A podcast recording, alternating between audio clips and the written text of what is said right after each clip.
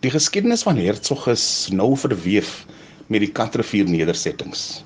Dit is volgens oorlewing in 1829 deur Lord Charles Somerset as Skoi nedersetting geproklaameer. Hertsog was aanvanklik uitsluitlik bedoel as 'n vestiging vir oorgeblewenes van die Khoi stamme na die verwoestende pokepidemies deur agter in die 18de eeu.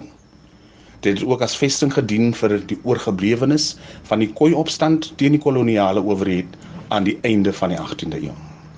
Hierdie uiters klein dorpie Mariska het aanvanklik bekend gestaan as Doringkies. Die naam Hertsog is egter later gegee ter erkenning van 'n landmeter met van van Hertsog wat grootendeels verantwoordelik was vir die opmetings en die afbakening van die Stockenstroom distrik. Hertsog het 'n ryk geskiedenis. Daar kom verskriklik baie buitelandse toeriste om bietjie te kom kyk na die plek en so aan. Daar is ook 'n uh, gedenkwaardigheid, naamlik die NG Sendingskerk wat reeds in 1800s gebou is en Hertsog self het op 'n stadium sy eie poskantoor en ook sy algemene handelaarswinkel gehad. En dan is er nog iets wat ek kan by sê. Die skrywer Olaf Schreiner sê hy het vir 'n tyd lank daar gebly en seker maar ook geskryf terwyl hy daar gebly het. En trouens, haar huisie staan vandag nog daar. Dit klink so wonderlik hierdie uh, mens kan amper sê versteekte stukkie geskiedenis daar in die ou se skei. Um die oorspronklike inwoners, het hulle nog steeds al hulle grond behou of het daar nie van die pioniertrekkers soos hulle genoem word ook maar heeltyd probeer om die grond by hulle af te vat nie want soos jy nou praat van die Katriviervallei, dit is ongelooflike vrugbare grond in daai omstreke.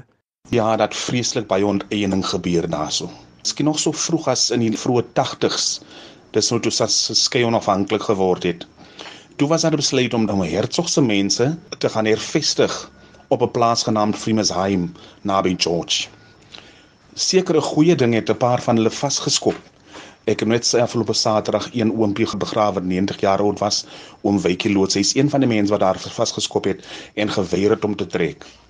Die Katrivier in daardie omtes was die hartland van die tabakbedryf Jy weet daar was groot tabaklande en daar was selfs 'n koöperasie in die dorpie genaamd Belfo, die naburige dorpie van Hertsog.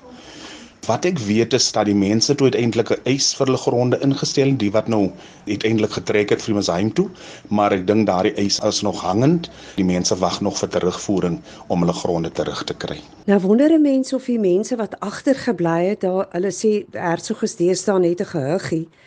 Maar is daar nog mense wat landbou bedryf daar en kry jy dan ook nog van die inwoners daar wat kan vertel van wat 2 3 geslagte terug vier in sommige gevalle? Die oombie nou van gepraat oom Wetjie Loots se vrou sy lewe nog sy's 98 jaar oud. Dan is daar ook 'n oom daar van die groepe. Nou 'n sekere generaal groep hulle het mos nog gehelp destyds om te veg en so aan. 'n generaal groep het 'n stuk grond gekry van die koningin en die lei stukkie grond groepskloof genoem daar in Taboekies vlei. Nou om hy nie groep, hy bly nog steeds daarso. Hy het saam met iemand kop mekaar sit en hulle het 'n boek geskryf oor die geskiedenis van Hertsog. Maar ons sover die plek self betref daarso, die mense wat agtergebly het is maar nou op die oomblik sê kan maar sê bestaansboere Hulle plant maar hulle groentetjies, pampoen, aardappels en so meer. Sommige van hulle bietjie beeste, skapies, varkies aan, maar kan een ding sê dat as 'n groot probleem selfs daar met vee diefstal in so geval dat van die mense maar al moedeloos geraak het, man, men hulle vee maar ontslaag geraak het want dan kan hulle man nou rustiger lewe as om elke aand te wonder of jou beeste nog môre in die kraal gaan wees en wat ook al. Dis jammer dat vee diefstal ook selfs plekkies soos Hertsog tref. Maar net sodat die luisteraar verstaan, eh, Nolan Venter, jy wat nou so lekker oor Hertsog praat, jy was 23 jaar daar die prinsipaal van 'n primêre skool. En ek weet jy het 'n groot stryd gehad dat die geriewe ordentlik moet wees vir die kinders. Was dit 'n suiwer Afrikaanse skool? Kan ek het daar gekom in September 1991 en ek was vir bykans 25 jaar prinsipaal daarso. Toe ek daar kom destyds het meeste van die mense al reeds maar hulle goede gepak en nou vir Mesheim toe getrek. So ek het net die kinders gekry van die mense wat daar agtergebly het. Ek kan vandag vir jou sê toe op die skool kom was ons net twee onderwysers met 14 leerdlinge. en daai skool het op 'n stadium 250 kinders gehad. Ek het by myself gedink as ek hierdie skool nie wil laat ten gronde gaan nie, moet ek 'n plan maak. Jy weet mos daai jare kon mense nog nie ander kleurige was mos so kleerlingskole, blanke skole en Xhosa skole.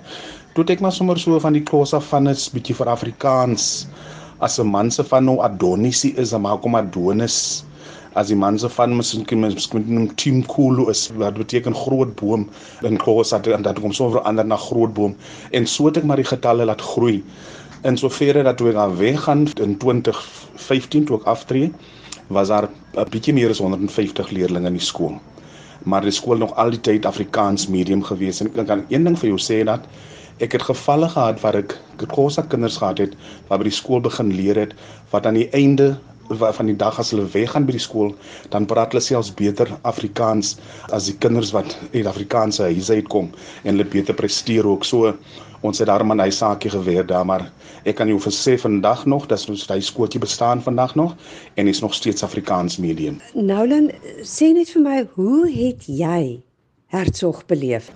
Ek het in 'n moeilike Hertsog gekom, maar ek voel baie maal die Here het my seker daarna toe gestuur. En as, as ek moes kies in die lewe sou ek by geen ander skool wil gewees het nie. Ek was gelukkig daar. Die kinders is goed gemanierd. Die ouers het die onderwysers, die prinsipaal gerespekteer. Trouwens lief ons gesê meneer of juffrou nee, ek was meester genoem, 'n mansonderwyser genoem meester en meester moes maar alles wees daar op Hertsop Primêre Skool.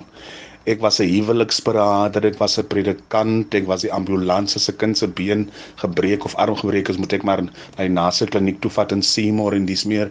Ek het my lewe vol uitgelewe daar. Want die mense was mense, mense. Hulle het omgegee vir 'n mens. Jy weet een ouetjie kom so miskien sommer vandag met 'n sakkie en sy maat vir jou 'n paar roosterkoeke gestuur of uh, iemand het geslag en hier kom ons sommer so skaap se blad by jou aan. Mense sulke klein dingetjies wat gemaak het wat jy laat voel het die mense waardeer vir jou. Maar ek kan ook sê die mense het bietjie baie moeilik kyk kyk so daar was nie winkels daar toe gekom nie. As jy kop sien maar jou eie grandpatjies of pilletjies saamvat skool vir 'n kopseer wat ook al, want toe daar nog nie die spaza shops wat daar vandag is. Maar was nogal lekker. Ek het die atmosfeer geniet. Lekker plaas atmosfeer. Die skool was mooi geleë, groot bloekombome op die erf en dis meer. Dit was moeilik om te oorleef onder sulke omstandighede. Ons het nie water gehad nie. Die kinders moes water op hulle koppe in emmers die rivier dra. Ons het die toilette gehad. Die ouetjies het sommer agter die bome gestaan en uh hulle het maar sommer so in die veld gehardloop as die nood druk en so aan. Ons het elektrisiteit gehad in die winter. Moes ons eers 'n vuurtjie maak vir die kinders om hulle hande en hulle voete by warm. Sy vingers was styf, hulle kon nie skryf nie. Maar dit het my so herinner aan my kinderdae waar ek groot geword het. As ek ouetjie kaal verbreek sien en kom aan sy voete vol beesmis. Ek dink sommer aan my kinderdae toe ek so in die beesmis langs die pad opgesoek het waar rookie trek om die voete daan toe ons want ek het maar my eerste paar skoene en ek was gestaan dat ses om eerste paar skoene kry.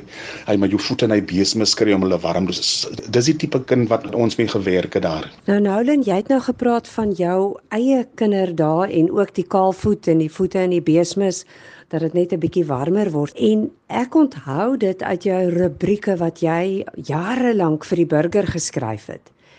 Nou hoor ek baie van jou verhale en jou onthou uit jou jeug en so aan is um, nou saamgevat in 'n boek. Wanneer kan ons daai boek verwag?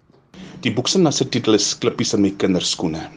En ek het daardie titel gekies. Jy weet mos 'n klippie in 'n skoen is 'n baie irriterende ding. Jy moet hy skoen uittrek en van daardie klippie ontslaa raak. Maar in my geval was daardie klippie, dit was 'n hinkering om te skryf oor my verlede, om te skryf oor my kinderdae, om stories te deel met ander mense. Ek het net gevoel ek moet dit skryf, ek moet dit deel vir die nageslag. En ja, daar is 'n paar rubrieke oor van Hertzog se mense in die boek. Ek het ook 'n rubriek geskryf oor om Wytjie wat ek nou Saterdag begrawe het. Hy het altyd maar gevra ek moet op eendag begrawe en ek is so bly kon dit daar nou Saterdag hy wens van hom vervul.